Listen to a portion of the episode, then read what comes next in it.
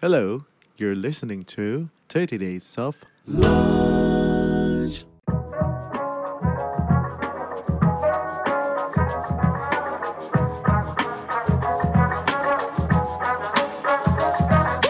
Kalau kita lihat based on trading value, trading frekuensi, trading volume, memang dari 2020 ke 2021 itu melonjaknya cukup signifikan, Mas.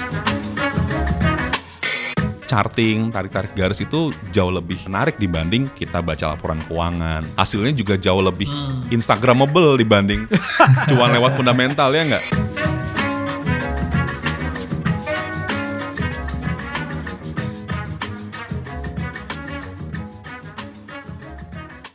Halo teman-teman 3 Days of Lunch, udah siap makan siang bareng sama kita. Senang akhirnya hari ini kita bisa balik lagi ngomongin salah satu topik yang gue yakin semuanya senang ngomongin. Ngomongin duit, ngomongin cuan, bareng sama orang yang sudah 11 tahun di pasar saham, 7 tahunnya dihabiskan di bursa efek, dan sekarang eh, sebagai Head of Market Development di salah satu eh, sekuritas. Jadi menurut gue orang ini sangat paham dari dua sisi ya. Uh, bisa kasih kita perspektif yang lengkap. Tapi sedikit introduction dulu sebelum kita masuk ke dalam topik nanti. Kita mau kenalin salah satu brand yang supporting kita. Silakan Aryo, kenalkan. Hey, buat semua yang masih work from home atau school from home atau anaknya school from home dan masih mencari laptop, Lenovo lagi ada promo nih. Beli produk Lenovo tertentu bisa dapetin GoPay up to 2 juta rupiah. Bisa dibeli di toko-toko terdekat di kota Anda atau di Lenovo official store yang ada di e-commerce. Buruan karena promo ini hanya sampai 31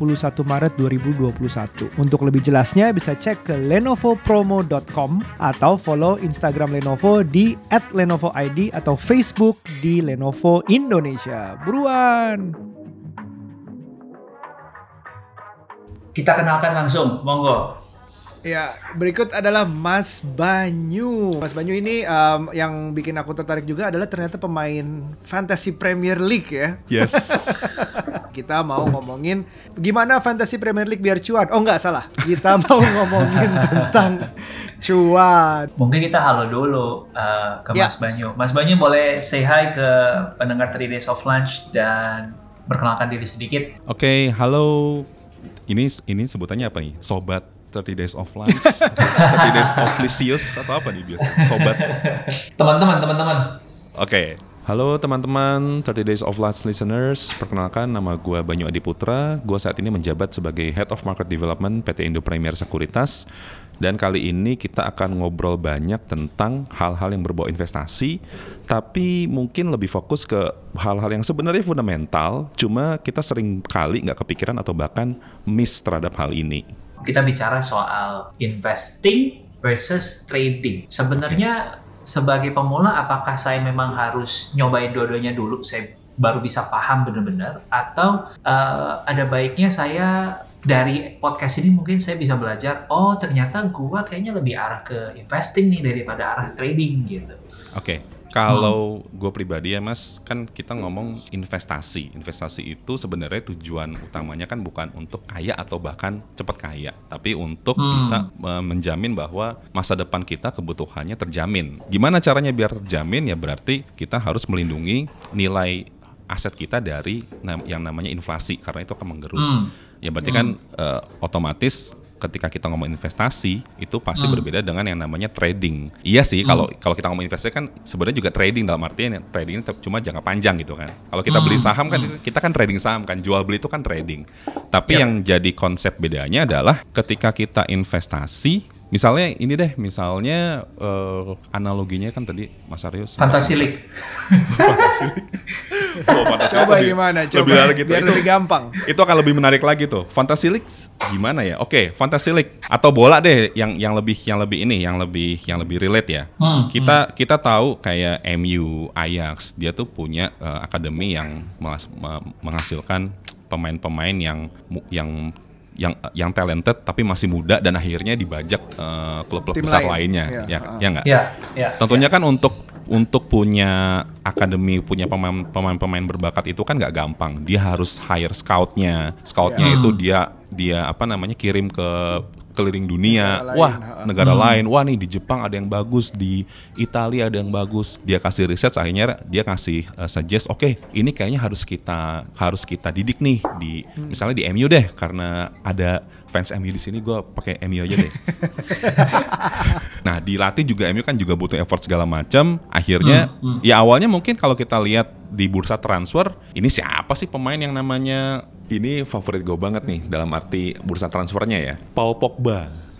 Wah ini, ini gue suka banget kenapa? Karena Paul Pogba itu kan didikan asli MU ya. Didikan asli MU, terus eh, 2012 kalau nggak salah itu dibeli sama Juve, tim favorit gue secara cuma-cuma gratis. Dan itu eh, kalau nggak salah bikin Alex Ferguson marah-marah banget tuh ke MU itu atau ke Pogba gue lupa. Nah kenapa Juve bisa bisa beli Pogba secara gratis? Karena dari scoutnya Juve waktu itu pasti merasa bahwa ini anak sebenarnya talented banget nih.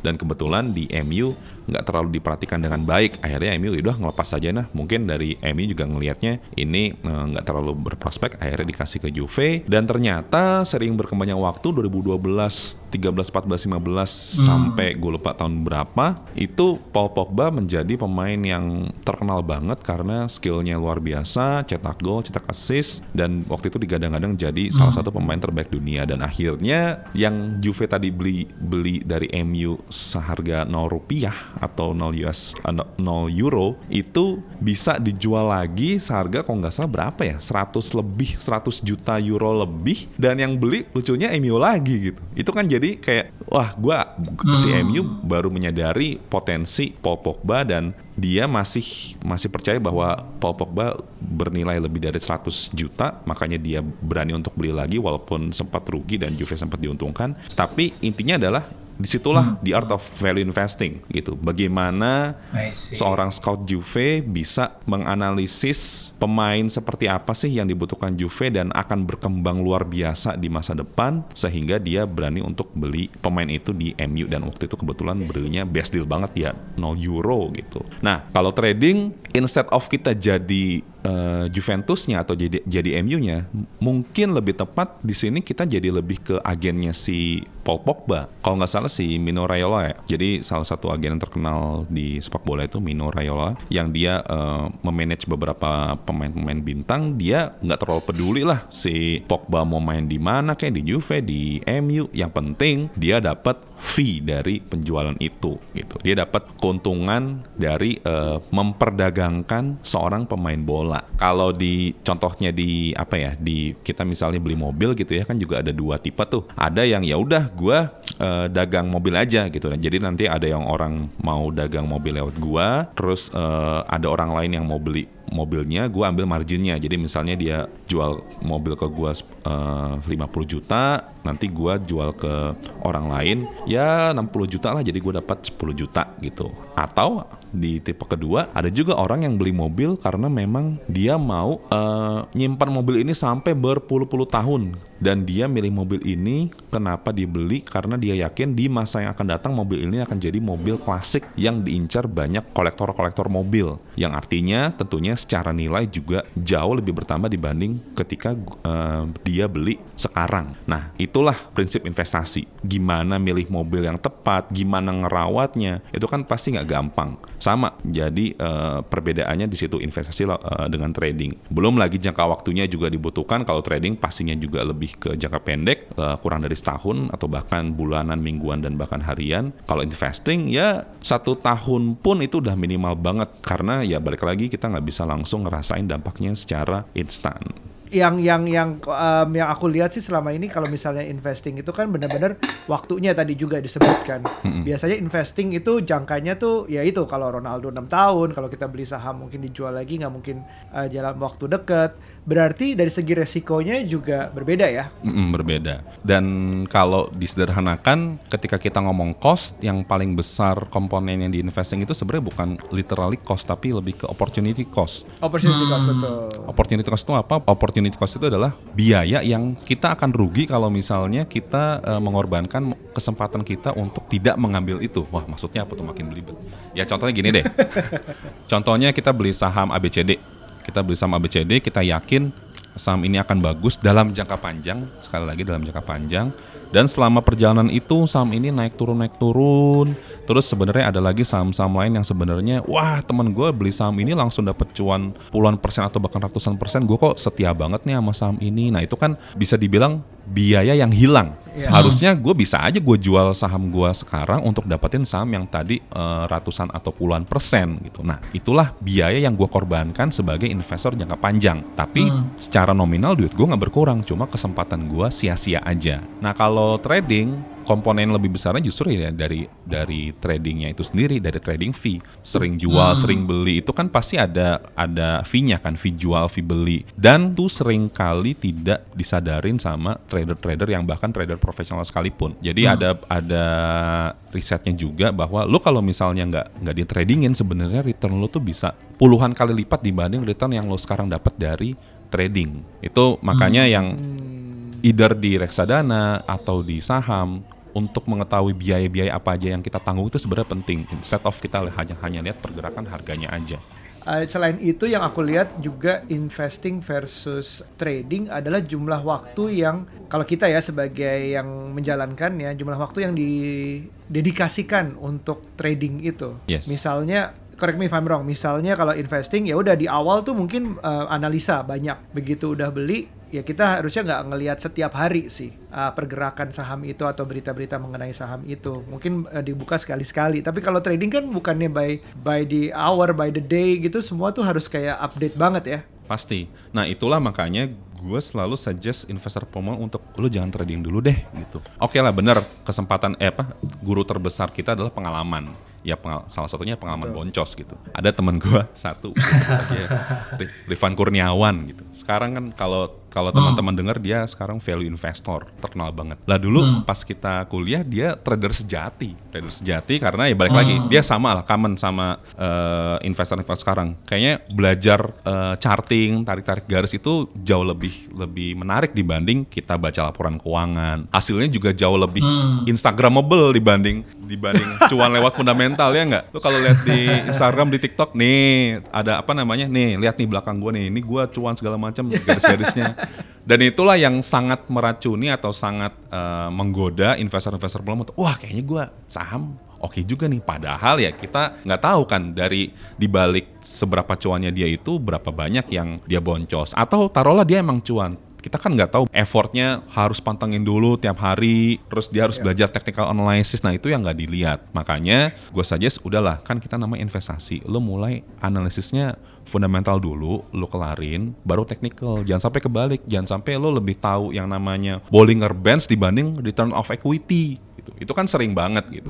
Technical analysis itu kan kalau Oke. balik lagi kalau sebenarnya kedua-duanya saling melengkapi gitu. Cuma kalau fundamental kan udah jelas kita eh, basicnya adalah valuasi perusahaan gitu. Seberapa seberapa eh, bisa perusahaan itu menghasilkan eh, pendapatan yang pendapatannya itu dibagi eh, dalam bentuk dividen secara konsisten. Kalau misalnya trading ya kita based on ekspektasi aja gitu. Udahlah kan kita tahu sama tahu nih bahwa yang investasi di pasar modal atau di saham bukan cuma kita doang tapi juga orang-orang lain. Ngapain kita capek-capek? Kita nyontek aja atau kita ikutin aja. Mereka bergerak ke mana? Mau ke atas? Ya mau pom-pom mau ke atas mau ke bawah kita lihat harga kita lihat volume mana yang benar dua-duanya benar cuma tinggal kita belajar yang mana dulu dan bagaimana kita mengkombinasikannya kalau di di US itu setahu gue sih Wall Street itu 90% fundamentalis hanya 10% yang technicalist jadi ya itu cukup menjelaskan sih sebenarnya kenapa kita harus belajar fundamental dulu instead of langsung ke technical. Kan technical itu kan kita nggak akan nggak akan bisa puas. Technical itu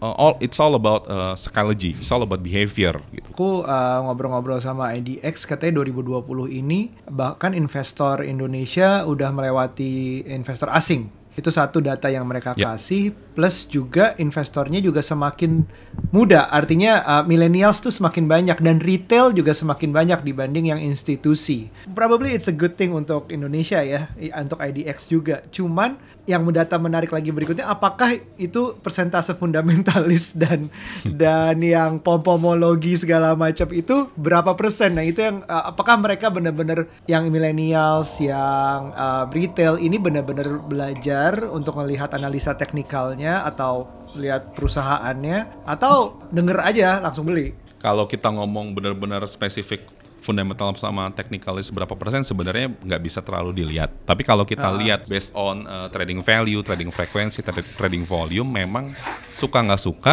at least dari 2020 ke dua- 2021 itu uh, lo- melonjaknya cukup signifikan, mas. Jadi uh, kan ada istilahnya tuh investor aktif. Berapa sih berapa banyak jumlah investor investor aktif di Bursa Efek Indonesia dan aktif itu kriterianya kalau nggak salah ya at least dalam sebulan atau dalam setahun dia eh, bertransaksi satu kali. Satu kali itu udah dibilang aktif. Dan itu Oh. dan itu trennya dari 2020 sampai 2021 itu jom apa signifikan banget dibanding tahun-tahun sebelumnya. Artinya apa? Kemungkinan besar memang yang kita bahas hari ini itu banyak banget investor-investor yang akhirnya dalam tanda kutip bangkit dari kubur karena melihat peluang-peluang eh, pasar modal kita yang banyak yang cepat banget bounce bouncingnya dari covid eh, Iya, tahun iya. lalu Karena gitu. turun turunnya juga kejauhan ya 30-an persen juga kan turunnya di saat itu. Jadi jadi peluang gitu buat yang lama pun. Betul, dan itulah kenapa kita lihat ya ini di satu sisi bagus sih jumlah investor makin investor atau trader apa pun itu namanya meningkat. Tapi apakah kita sebegitu yakinnya juga bahwa kualitas mereka juga mengimbangi kuantitasnya? Itu yang kita nggak tahu. Makanya kita eh, konsisten eh, edukasi terus nih biar nggak salah arah. Eh, mungkin gue kasih konteks sedikit ya supaya teman-teman dari awal udah langsung tahu kita mau ngarah ke mana fundamental versus technical right tapi eh, ada satu cerita yang menurut gue menarik banget untuk menjadi pembuka karena hampir semua orang kalau ngomongin value investing tuh pasti eh, opanya eh, gurunya adalah Warren Buffett gitu. Um, sementara kalau kita ngomongin trading itu di kepala munculnya kayak di film Billions. Mungkin teman-teman di sini ada yang kenal dengan Bobby Axelrod ya, yang terkenal banget gitu ceritanya kayak Tuhan banget nih dia orang bisa menggerakkan market gitu. Um, nah ini ada satu taruhan yang menarik di tahun 2008 antara Warren Buffett sama hedge funds, namanya Protege. Uh, ya hedge fund mungkin bisa mewakilkan para trader kurang lebih Warren Buffett mewakilkan para investor gitu. Jadi waktu itu Warren Buffett nantangin hedge funds-nya, nih 10 tahun ke depan ya sama-sama kita taruh 1 juta dolar, gua yakin lo nggak akan bisa outperform indeksnya Standard and Poor's. Apalagi setelah uh, lo masukin perhitungan biaya, cost, expenses-nya orang untuk uh, menggunakan jasa hedge funds lo. Nah, taruhan 1 juta dolar ini the real saganya year by year kurang lebih begini teman-teman. Di awal-awal 2008 kan market crash tuh ya. Warren Buffett kalah karena uh, portfolio dia turun sampai minus 37%, hedge fund uh, turun minus 24%. Tapi dari 2009 sampai 2017, Warren Buffett dengan indeks fundnya berhasil outperform uh, si hedge fund ini. Overall setelah 10 tahun, uh, indeks fundnya Warren Buffett returnnya sekitar 7,1% per tahun, uh, dibandingkan dengan si hedge fund 2,2% per tahun. Nah, ini membuka obrolan nih, Mas. Uh, Mungkin teman-teman yang dengerin ada yang mau defend, tapi nggak begitu. Trading tuh nggak begitu. Wah, value investing nggak begitu. Nah, silakan. Pertanyaan pertama kita adalah, uh, kalau saya hari ini baru mau mulai, Mas, saya mesti milih masap yang mana nih? Gitu. Masa yang mana? Melimologi yang mana nih? Iya. Iya. Oke, ini menarik banget nih. Kalau kita lihat fenomena investasi itu mulai nge-hype lagi sejak tahun lalu dan bahkan tepat setahun nih sejak Covid masuk ke Indonesia ya. Itu kan banyak banget investor pasar modal, investor retail kita yang terkena dampak positifnya karena IHSG sempat turun drastis banget tahun lalu dari bulan Maret sampai bulan gue lupa pertengahan 2020 dan akhirnya cepat banget naik lagi rebound lagi sehingga banyak dari investor itu eh, cuan gede gitu untungnya gede. Nah balik lagi. Biasalah kalau kita melihat perilaku investor retail kita, terutama ya kita kita sendiri juga, itu kalau lagi rugi, kalau lagi boncos, biasa kita diam-diam diam-diam baik gitu. Bahkan suka ngomel-ngomel gitu. Tapi kalau lagi cuan, lagi untung gede, nah kita biasanya bangga, terus pamer di mana-mana, di Instagram, di TikTok, di YouTube, dan akhirnya konten kita itu yang memang buat flexing dilihat sama calon-calon investor, para masyarakat awam yang sebelumnya nggak tertarik sama investasi, apalagi investasi di saham, terus akhirnya mulai mikir, wah ini kayaknya menarik juga nih, gua investasi saham nih, apalagi gua BU banget karena terkena dampak COVID dan gue sekarang mau cari jalan pintas sehingga gue bisa eh, kaya lagi gitu. Dari sisi peningkatan jumlah investor baru memang naik banget ya dan itu positif buat pasar modal Indonesia. Iya. Tapi sayangnya peningkatan kuantitas itu belum sejalan sama peningkatan kualitasnya. Hal itu tercermin dari kalau kita lihat banyak juga kan investor-investor baru yang istilahnya nyangkut di saham-saham yang sebenarnya saham gak jelas lah atau so-called saham gorengan karena mereka ya memilih saham itu tidak didasari sama pertimbangan-pertimbangan yang akademis atau pertimbangan-pertimbangan yang memang eh, sudah terbukti gitu. Misalnya lewat analisis fundamental atau analisis teknikal. Tapi di sisi lain, kalaupun investor-investor tersebut melakukan yang namanya analisis fundamental sama teknikal, itu kan ternyata nggak semudah yang kita pelajarin selama ini. Bayangin, sebelum kita milih saham aja kita udah harus yang namanya belajar. Dan itu sayangnya nggak dikerjain sama beberapa investor baru ini. Ya. Ketika belajar analisis fundamental, analisis teknikal, belajar bisnis dan keuangannya, ternyata juga nggak jarang eh, tidak sesuai dengan ekspektasi kita. Contoh misalnya kita udah tahu nih secara fundamental saham ABCD bagus, tapi ternyata sering berkembangnya ber- berkembangnya waktu, oh ternyata valuasinya nggak setinggi itu, atau oh ternyata eh, manajemennya eh, kena fraud Ya. atau kena kasus, atau ya Ya. contoh yang paling gampang yang tadi, ternyata tiba-tiba ada force major, COVID masuk ke Indonesia dan akhirnya berdampak pada keberlanjutan bisnis perusahaannya eh, tersebut. Itu baru fundamental, apalagi technical yang kita benar-benar fully eh, based on historical eh, price dan historical volume, kita lihat trennya dan ternyata eh, tidak sesuai dengan eh, harapan kita. Oleh karena itu, pada tahun 70-an, kalau nggak salah tahun 74, seorang ekonom yang namanya Burton Malkiel, ekonom dari Princeton University, beliau juga eh, menjabat sebagai eh, board of directors di beberapa fund managers di US, itu menulis buku yang judulnya A Random Walk Down Wall Street. Buku itu juga menjelaskan yang seperti yang tadi gue jelasin sebelumnya bahwa intinya milih saham itu itu nggak se- segampang yang kita eh, bayangin harus belajar dan belajar fundamental teknik- teknikal teknikalnya pun nggak ternyata nggak sesuai eks- ekspektasi juga. Karena banyak banget faktor-faktor yang nggak bisa kita kendaliin. Dan Pak Burton ini bicara juga nggak asal aja. Dia bicara by by data gitu. Contohnya dalam satu tahun dia menjelaskan bahwa dari seluruh fund manager yang ada di US itu hanya sepertiga saja yang bisa ngalahin indeks S&P 500. Mungkin di sini eh, indeksnya kayak LQ45 atau ADX 30 lah istilahnya. Artinya apa? Artinya saham-saham pilihan fund manager tersebut yang di eh, masukin ke dalam beberapa reksadana unggulan mereka itu ternyata kinerjanya lebih jelek, nggak lebih baik dibanding kinerja pasar yang diwakili oleh S&P 500. Artinya apa? Jangankan kita sebagai investor pemula, sebagai investor retail, mereka aja fund manager profesional itu nggak bisa ngalahin eh, kinerja pasar dengan karena memang ada banyak faktor-faktor yang nggak bisa kita kontrol. Akhir eh, berdasarkan berdasarkan fakta tersebut, Pak Burton menganjurkan untuk inve- ke investor pemula untuk udahlah kalau buat pemula lo mendingan invest di reksadana indeks yang biayanya murah aja atau istilah benarnya itu low cost index fund. Jadi index fund yang low cost. Nah, reksadana indeks ini maksudnya apa sih? Apakah reksadana saham biasa? Bukan.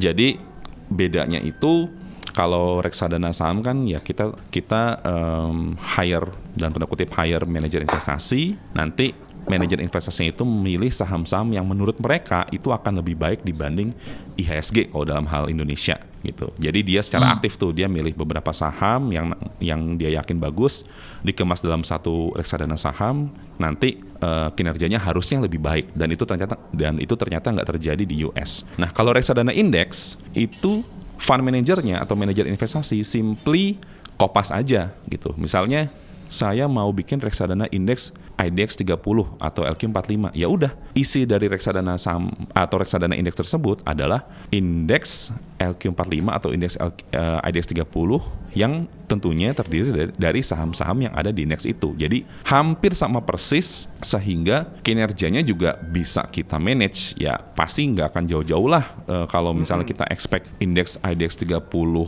akan eh, returnnya 15% satu tahun. Nah reksadana indeks ini akan nggak jauh-jauh juga dari 15% setahun gitu. Nah tapi sebelum gue bicara lebih jauh, ini kayaknya udah panjang banget gitu. Secara singkat, long story short, ya Pak Burton meng- menganjurkan buat investor pemula untuk udahlah lo invest di reksadana aja karena biar profesional lah yang mengelola sehingga lo sebagai investor pemula yang pastinya butuh belajar banyak sebelum lo terjun ke investasi saham itu bisa learning by doing.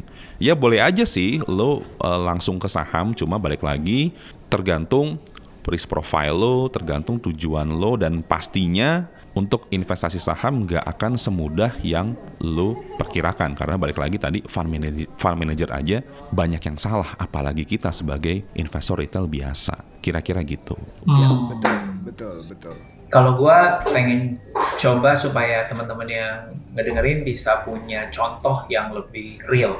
Um, ada nggak sih tapi contoh misalnya case-case saham atau emiten yang orang mengira itu naiknya karena fundamentalnya baik, performance-nya bagus, sehingga nilai sahamnya mendekati harga intrinsik. Misalnya dia naik kalau bahasanya orang value investing kan mendekati harga wajar gitu ya. Ya. Tapi eh, sebenarnya kenaikan itu terjadi lebih karena faktor lain. Atau memang kita bisa selalu mengatribusikan, oh kenaikan itu terjadi karena emang performance-nya baik. Oke, ini juga salah satu alasan juga kenapa baik baik fundamental analysis maupun technical analysis itu nggak bisa eh, 100% efektif, Mas. Jadi ada Hmm. contoh eh, saham, gue nggak tahu deh sebut sebut apa enggak ya. Ya sebenarnya sih nggak terlalu penting sahamnya apa, tapi ada satu saham di mana dia eh, baru mengakuisisi suatu suatu perusahaan. Kenapa? Karena karena perusahaan ini menjual produknya di luar negeri dan itu eh, feedbacknya bagus banget kan harusnya kan dari dari sisi sentimen wah ini bagus nih yang tadinya eh, bisnis ini dimiliki oleh perusahaan lain yang walaupun Hmm. menjual menjual barang atau produk yang sama dan ini sekarang diambil jadi punyanya dia harusnya kan berarti by eh, fundamental itu bagus banget eh, dan Hmm. apa namanya eh, menjanjikan di eh, long term gitu tapi Produknya? kenyataannya Produknya produk bukan.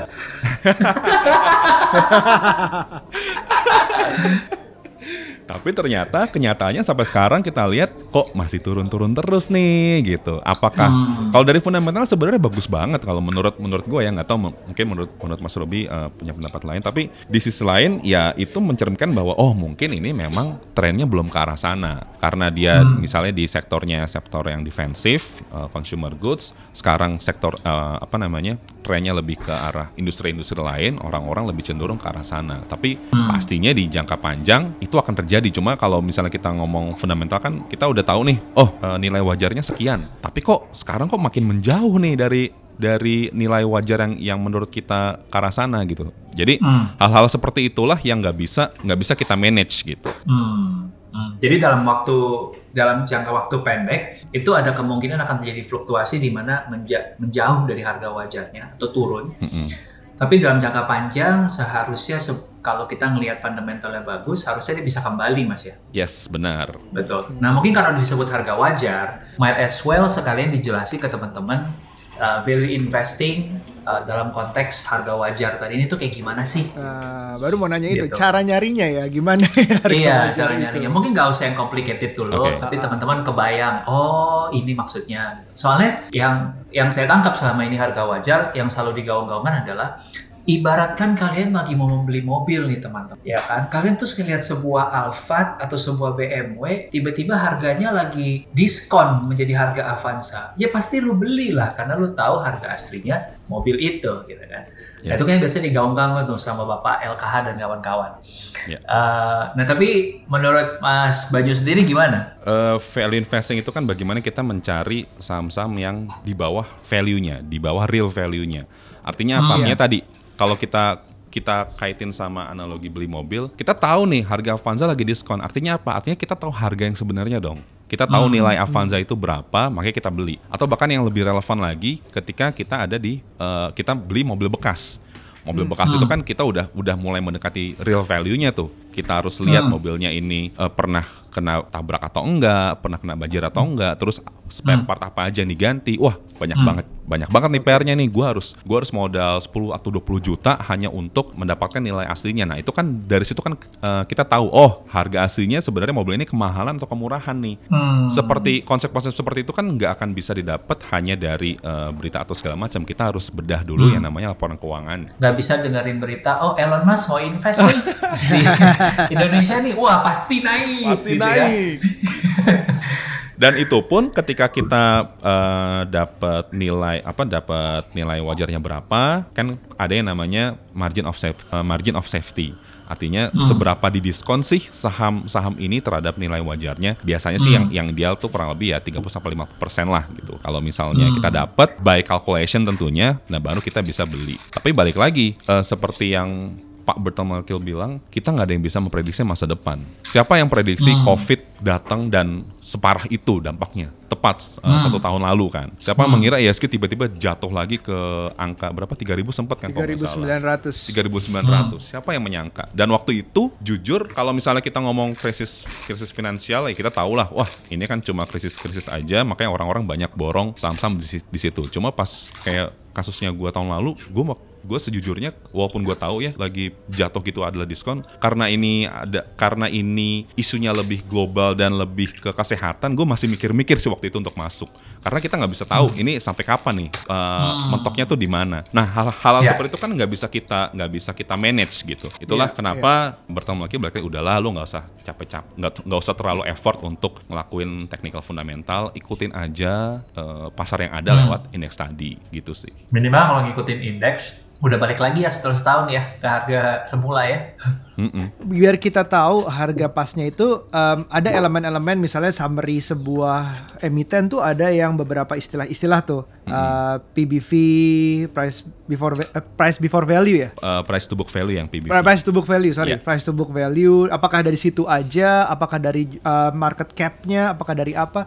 Gimana sih cara kita menentukan itu? Mungkin short bukan shortcut ya. Eh, prinsipnya caranya gimana sih? Jadi yang pertama yang sebenarnya itu fundamental itu kan sebenarnya ada dua aspek dari sisi bisnis sama dari sisi keuangan. Dari sisi bisnis kita eh, sebagai calon investor kan kita kita bisa lihat ini perusahaan apa, eh, jual barang apa, gimana cara nyari duitnya, potensi pasarnya bagaimana, undang-undang apa aja mendukung dan sebagainya. Siapa yang siapa yang eh, menjalankan perusahaannya dalam arti board of board of directors atau Directors, ownersnya. ah. Mm-mm. Nah, kemudian balik lagi kita kalau ngomong bisnis nggak akan bisa jauh-jauh dari yang namanya keuangan. Seberapa sehat keuangannya, berapa besar asetnya compare ke utang dan uh, compare ke modalnya. Dan aspek-aspek keuangan itu memang uh, bisa kita rangkum dari sisi rasionya. Sebelum kita ngomong lebih jauh tentang rasio, kalau kita uh, ingat-ingat lagi kan dalam analisis fundamental itu Iya. at least ada tiga aspek yang kita nilai kan dari sisi makronya secara uh,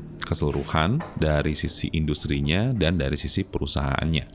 Nah, mana yang duluan dianalisis bisa pakai analisis top down, bisa pakai analisis bottom up. Maksudnya gimana? Contoh misalnya kayak kita milih rumah, kita mau beli rumah, kita pasti nggak mau beli rumah yang eh, kompleknya itu banjir. Makanya kan kita lihat dulu nih, wah kalau misalnya di Bekasi banjir nggak? Kalau di Depok banjir nggak? Kalau misalnya banjir, daerah mana aja yang banjir? Kalau misalnya kita udah tahu ini nggak banjir, baru kita bikin rumah di situ, beli rumah di situ. Itu analisis top down. Nah, atau kita bisa aja pakai cara yang sebaliknya. Mau di Bekasi, mau di Kampung Melayu, mau di Bukit Duri, nggak masalah selama kita bisa membangun rumah yang bahan-bahannya anti banjir, yang eh, rumahnya secara tekstur tanahnya juga mendukung biar nggak banjir, misalnya di tanjakan lah, atau tekstur tanahnya itu eh, aliran alirannya itu lancar dan sebagainya. Nah itu yang namanya bottom up. Begitu juga di analisis saham. Mungkin kalau gua dalamin sedikit kali ya.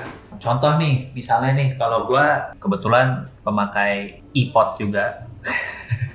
Oke, thank you. Iya, jadi misalnya gua buka iPod nih, gitu kan ada ada yang namanya stock tools nih, ada stock screener gitu kan. Ya. Biasanya ada orang-orang yang mengajarkan fundamental itu ya daripada lu ribet-ribet coba lu screen dulu deh lu cari perusahaan yang pairnya lebih besar dari segini atau lebih kecil dari segini uh, terus return equity-nya minimal segini uh, terus kalau bisa dia nggak banyak-banyak utang banget jadi debt equity-nya kurang lebih segini gitu Nah, uh, ada nggak sih mas acuan seperti itu atau sebenarnya nggak penting gitu? Sebenarnya Mas Ruby benar.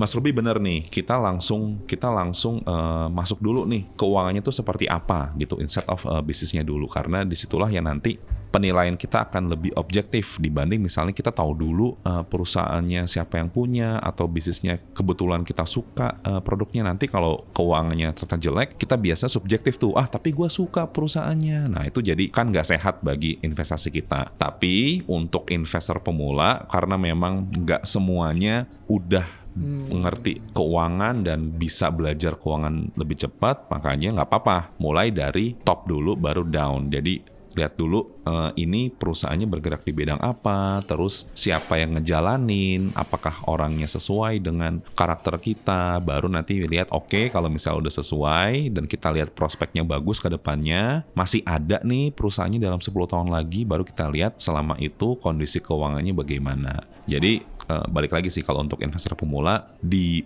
lihat aspek bisnisnya dulu berkeuangan itu nggak masalah. Nah, ngomong-ngomong soal rasio ketika kita kita bicara di bagian keuangannya, itu juga banyak yang sebenarnya salah kaprah gitu. Rasio itu kan sebenarnya diciptakan untuk memudahkan, tapi jangan kita lantas gampang-gampangin. Artinya apa? Misalnya kita tahu nih, uh, pernya itu misalnya price earning rasionya itu misalnya uh, 40. Wah, kalau menurut teori kalau 40 itu uh, pasti kemahalan tuh. Jangan Pak, jangan ini nih jangan beli. Beli aja nih, ada saham saham X pernya ini cuma 5. Ya berdasarkan kenyataannya sih memang relatif per itu di bawah 10 apa 15. Tapi kan balik lagi, kita harus lihat dulu nih, pernya bisa setinggi itu atau serendah itu compare ke tahun-tahun sebelumnya itu konstan apa enggak? Buat apa per yang rendah tapi naik turun naik turun nggak stabil? Itu kan nggak sehat. Itu satu kita lihat dari historisnya dulu. Nah kalau kita lihat compare ke saham-saham atau perusahaan di sektor yang itu juga kita lihat nih apakah memang di industri tersebut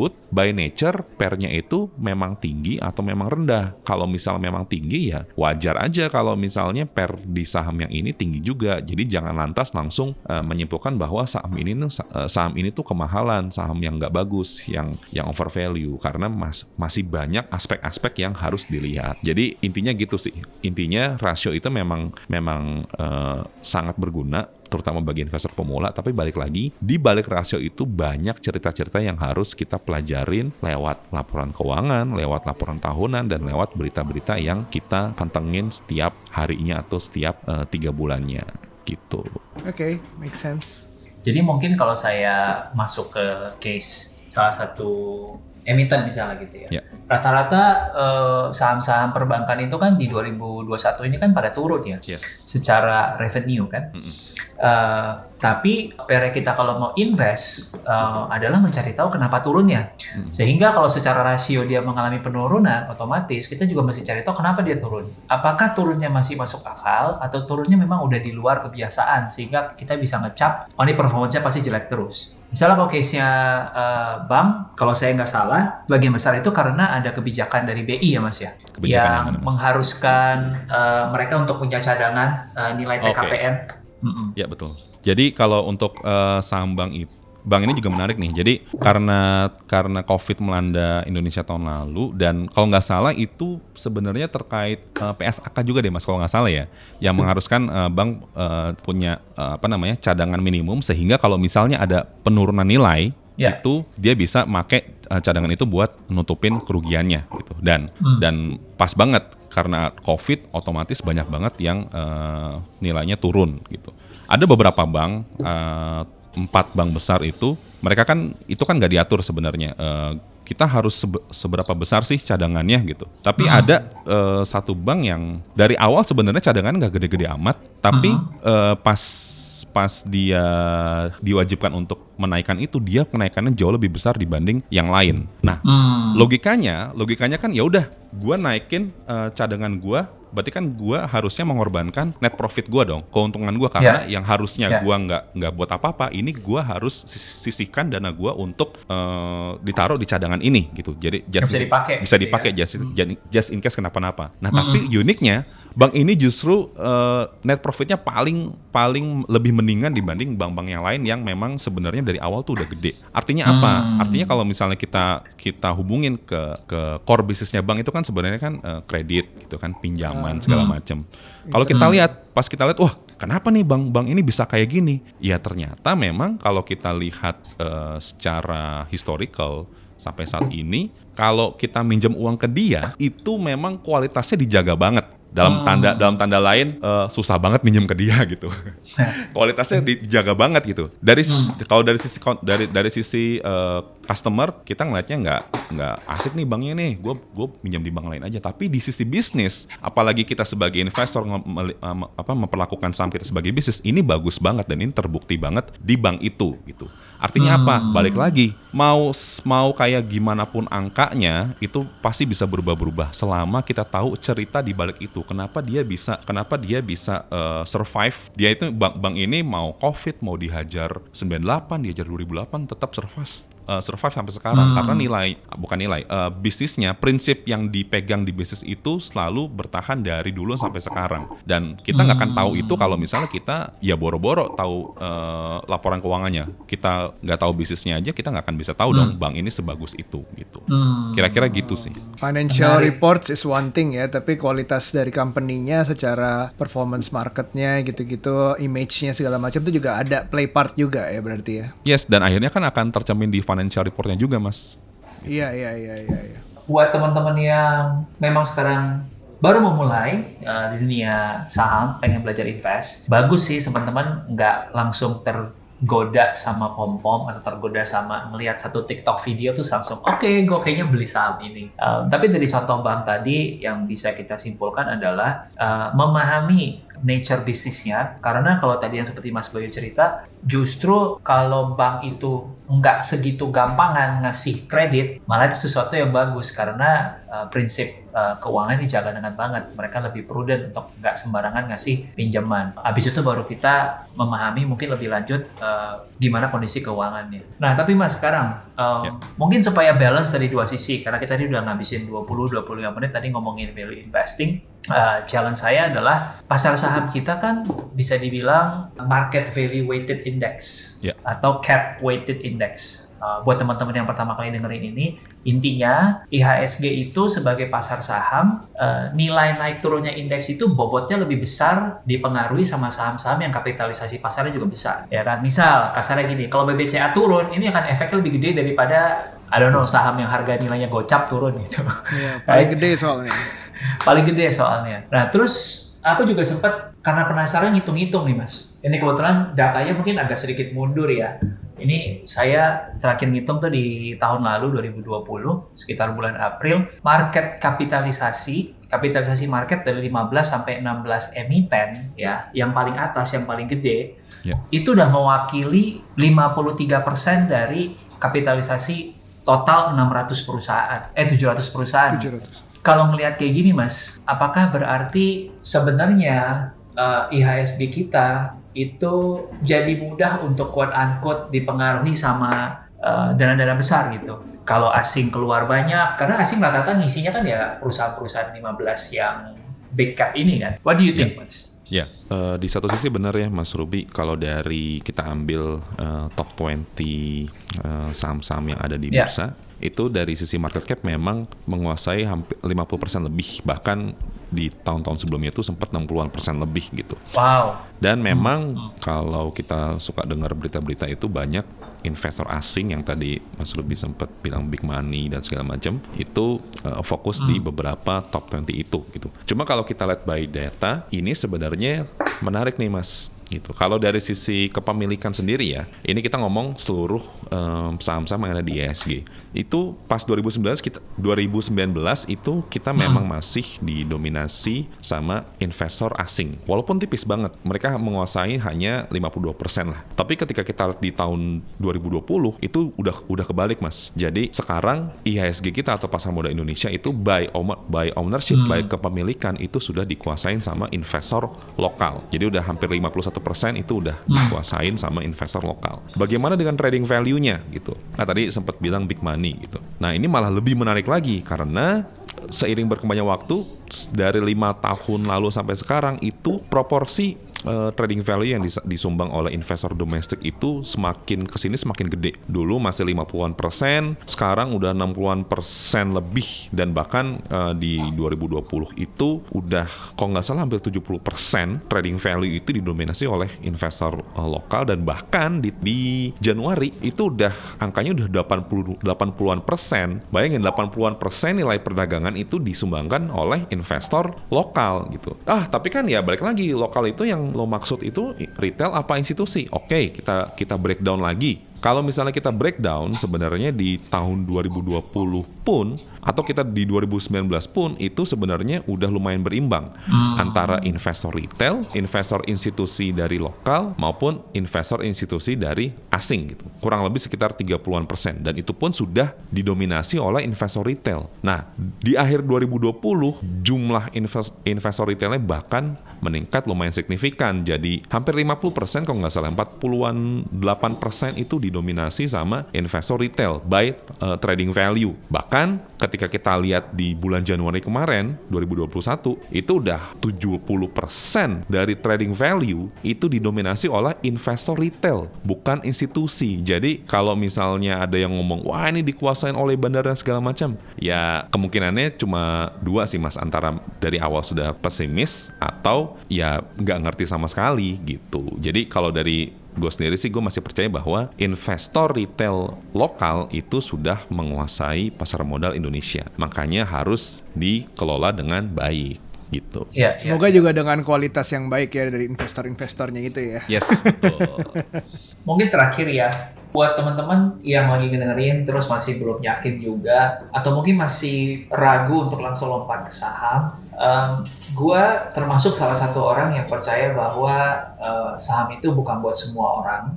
Bahkan di beberapa kali kesempatan kalau diajak ngomong soal eh, investing, gue selalu bilang Warren Buffett itu butuh 11 tahun dari semenjak dia pertama kali beli saham di umur belasan untuk nyampe ke satu miliar pertama dia. Lalu untuk nyampe ke satu juta dolar pertama dia, itu dia butuh 19 tahun. Eh sorry, eh, 15 tahun. teman. Nah pertanyaannya, kalau kita baru masuk hari ini, ya kan? Ya by that standard untuk satu juta dolar mungkin kita butuh 15 tahun gitu ya. Kalau kita mau langsung on par. Nah buat kita masih yang nggak punya waktu untuk menganalisa kayak Warren Buffett, dia kan setiap hari ngebacain, menganalisa gitu. Ada nggak sih pilihan-pilihan buat uh, teman-teman ini yang sesuai dengan waktu yang mereka bisa masukkan untuk analisa, plus resikonya juga sebanding dengan rewardnya gitu. Oke, kalau untuk instrumen eh, general-general aja biasanya kita suggest mereka untuk masuk ke reksadana dulu, Mas. Reksadananya boleh mau balik lagi mau pasar uang, campuran, saham, you name it. Itu kita nggak mengejar returnnya ya. Balik lagi di sini lebih ke sense of investingnya ditumbuhin dulu. Oh gini tuh yang namanya investing. Oh gini tuh yang namanya invest rutin setiap bulan gitu. Nanti kalau misalnya udah pengalaman terus wah ini kayak nggak puas nih returnnya cuma segini ya baru mulai ke saham. Kalau balik lagi ke buku tadi pertama kill dia suggest strongly suggest di index fund, low cost index fund. Itu sebelum ada satu produk baru yang namanya Exchange Traded Fund atau ETF. Jadi ETF itu kalau nggak salah eh, mulai muncul di dunia itu sekitar tahun 89 atau 90-an awal. Bedanya apa sih ETF sama reksadana indeks? Gampangnya ETF adalah reksadana indeks yang diperdagangkan di Dijual bursa. di bursa. Dijual di bursa seperti layaknya saham.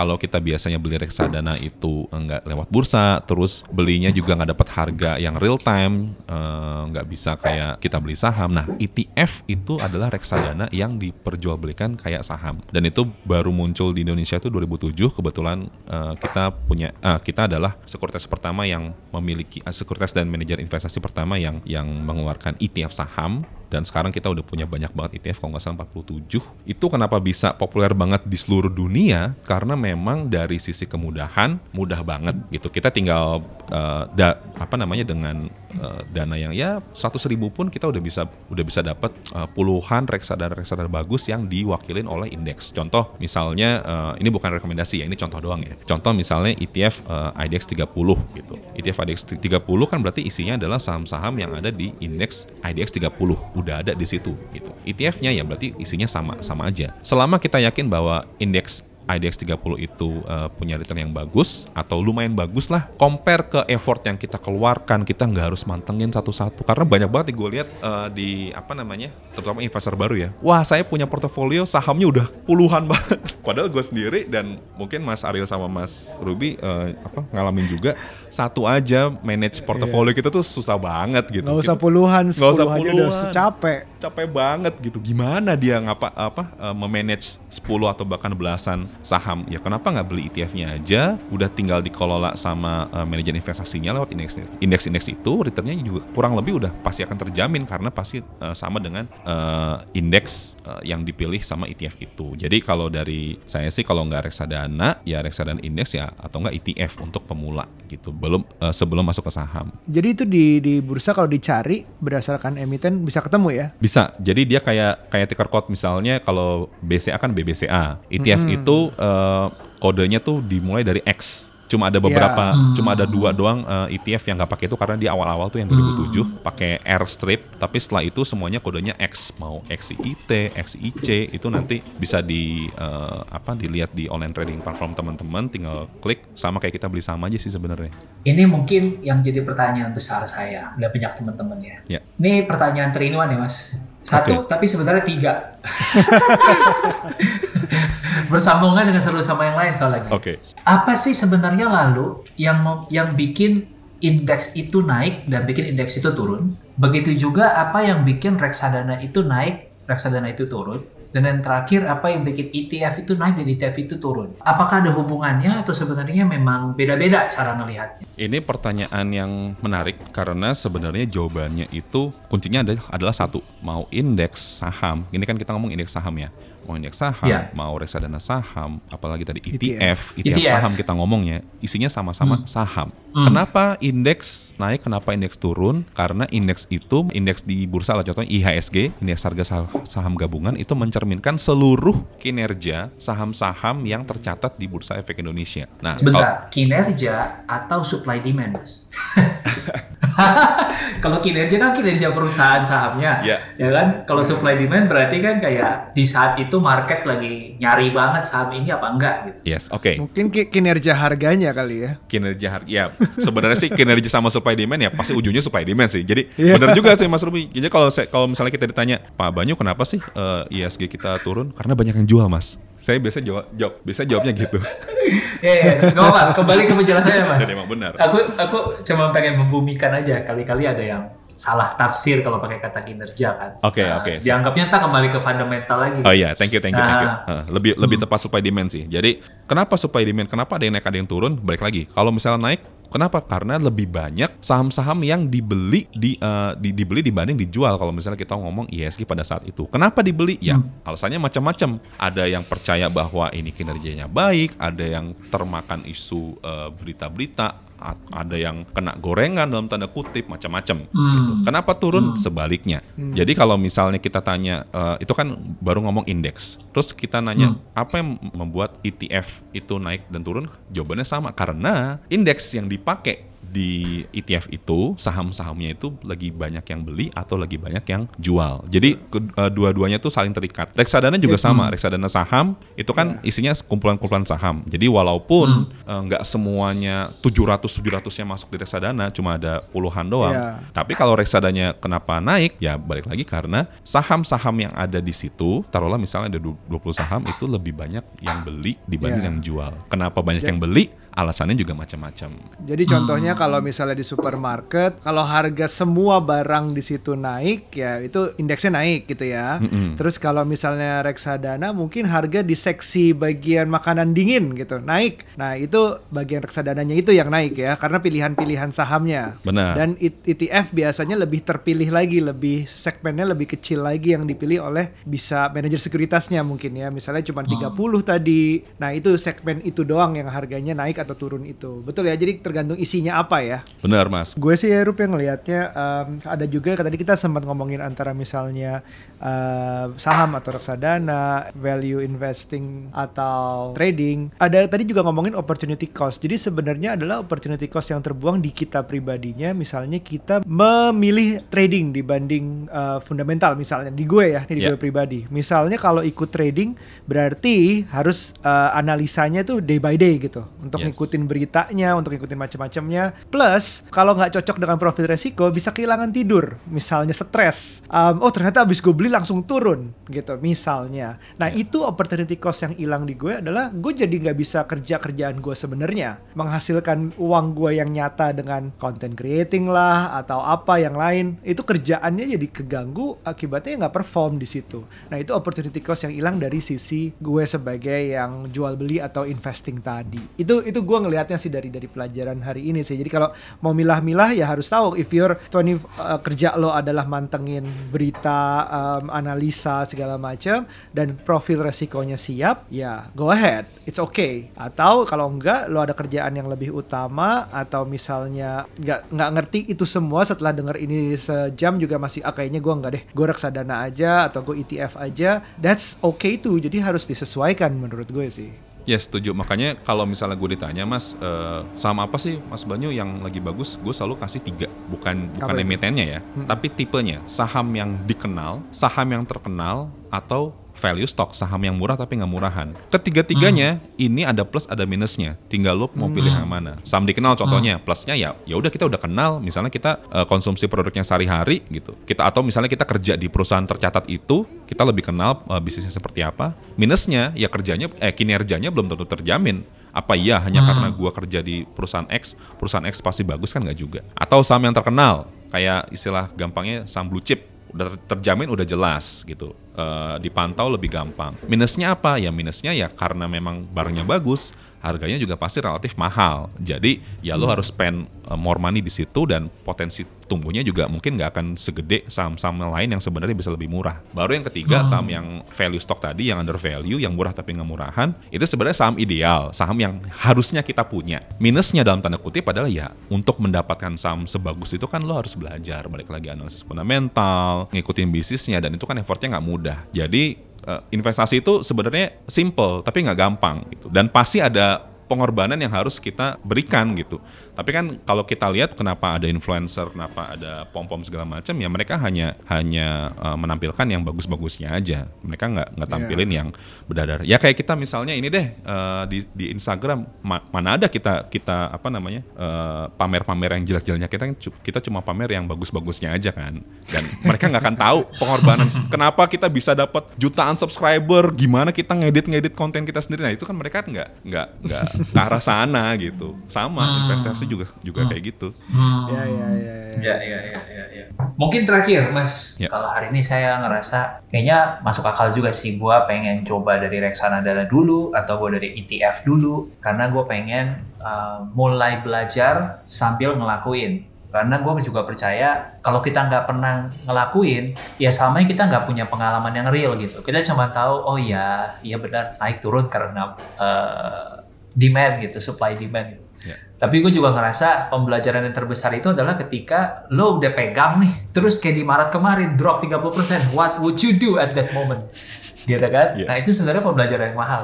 Yes. Ya. At that moment, gue malah nambahin gitu, karena gue ngeliat itu sebagai peluang. Hmm. Dan that bet akhirnya terbayarkan. uh, 9 bulan kemudian gitu. Nah sekarang buat teman-teman yang lagi mau memilih reksadana atau ETF, ada nggak tips uh, satu dua cara untuk memilih mana yang cocok sama mereka? Setahu saya ada uh, bisa ngelihat dari uh, apa ya bahasanya ya uh, jumlah uang yang lagi dikelola, dana yang dikelola, apakah itu penting atau apakah kita melihat dari performance saja tiga tahun terakhir, lima tahun terakhir, uh, atau ada hal lain yang perlu kita baca gitu. Oke, karena tadi Mas Ruby udah uh, uh, mention iPod, sebenarnya di iPod, terutama di iPod Fund itu yang di aplikasi itu kita udah ada yang namanya Fund Evaluator. Jadi bagi Hmm. teman-teman yang mau mulai investasi reksadana, kan reksadana banyak banget ya. Di apa namanya iPod Fund juga udah banyak banget. Bingung cara milihnya itu pasti uh, itu wajar banget. Nah, Fund Evaluator ini gunanya untuk uh, bantu nih kasih pilihan nih kira-kira nih yang bagus seperti apa. Cuma kalau secara generalnya sebenarnya biasanya orang-orang itu ter- uh, termasuk gue ya, gue pertama kali uh, kenal sama reksadana yang pasti gue pilih adalah historical return-nya. Wah ini Hmm. satu persen dia bisa uh, ngasilin berapa, lima persen, eh, lima tahun berapa persen. Tapi sebenarnya itu kurang tepat sih, karena balik lagi uh, kinerja masa lalu itu belum tentu terulang di masa yang akan datang.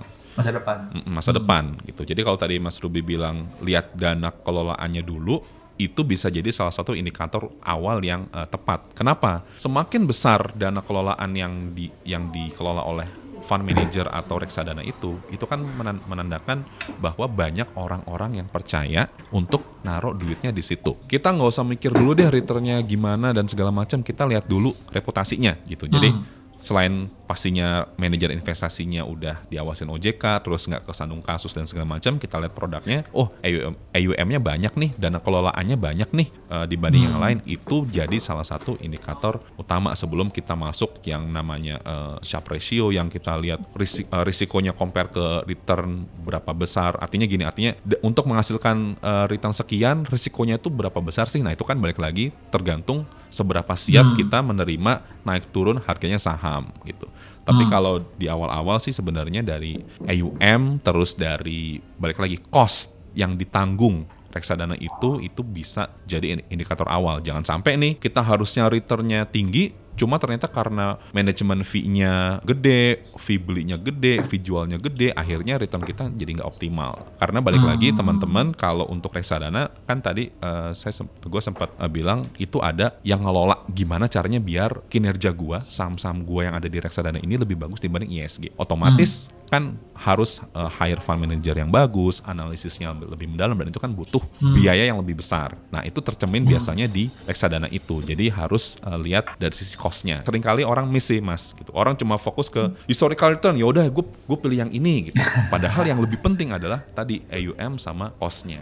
AUM itu asset under management Asset ya, under total dana management. pengelolaan. Ya, Iya. dana kelolaan. Terus ada satu lagi yang saya lihat eh, angka yang muncul untuk memfilter namanya drawdown. Yes. Itu saya perlu perhatiin juga nggak mas? itu sebenarnya pro- perlu diperhatiin juga sih. Jadi ada ada Sharpe ratio, ada drawdown. Drawdown itu apa sih? Drawdown itu adalah eh, titik terendah atau seberapa besar harga reksadana itu jatuh atau berubah selama periode tertentu gitu. Jadi kalau misalnya kita lihat wah drawdownnya gede banget nih, wah berarti nanti gua harus siap-siap nih kalau misalnya one day si reksadana ini juga anjlok. Tapi balik lagi, apakah kita siap untuk apa namanya drawdownnya sebesar itu atau siap untuk harganya jatuh sebesar itu? Kita balikin ke profil risiko kita masing-masing. Wah kayaknya nggak kuat deh. Udahlah, gua reksadana pasar uang aja yang hampir pasti naik terus walaupun returnnya eh, pendek. Ya it's fine gitu. Balik lagi tadi Mas Ruby bilang nggak semuanya harus investasi saham itu benar banget. Saham itu hanya untuk orang-orang yang eh, mau ngambil risiko tinggi, yang mau investasi Ya. jangka panjang dan yang mau belajar serius bisnis dan keuangan. Kalau misalnya belum siap itu, silakan cari investasi yang lain.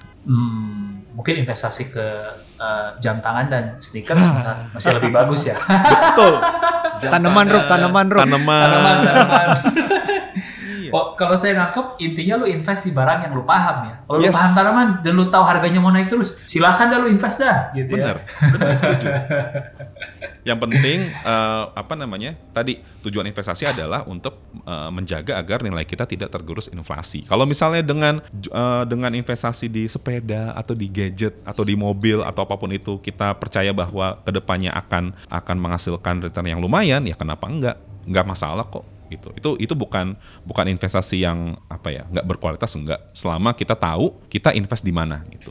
Dibanding invest di saham-saham yang kita nggak tahu, pokoknya ikut-ikutan aja hanya karena Hmm. returnnya gede, nah itu malah jadi nggak sehat gitu. Itu menyimpulkan obrolan kita siang ini, investlah di eh, apa pun aset kelas yang menurut teman-teman lo paham banget, lo bersedia menaruh waktu di sana untuk belajar. Jangan sampai lo investasi sesuatu tapi lo nggak menghabiskan waktu untuk mempelajari itu, bahkan bisa dibilang lo beli gadget risetnya lebih lama daripada lo riset buat invest di situ. Thank you banget Mas Banyu untuk sharingnya hari ini.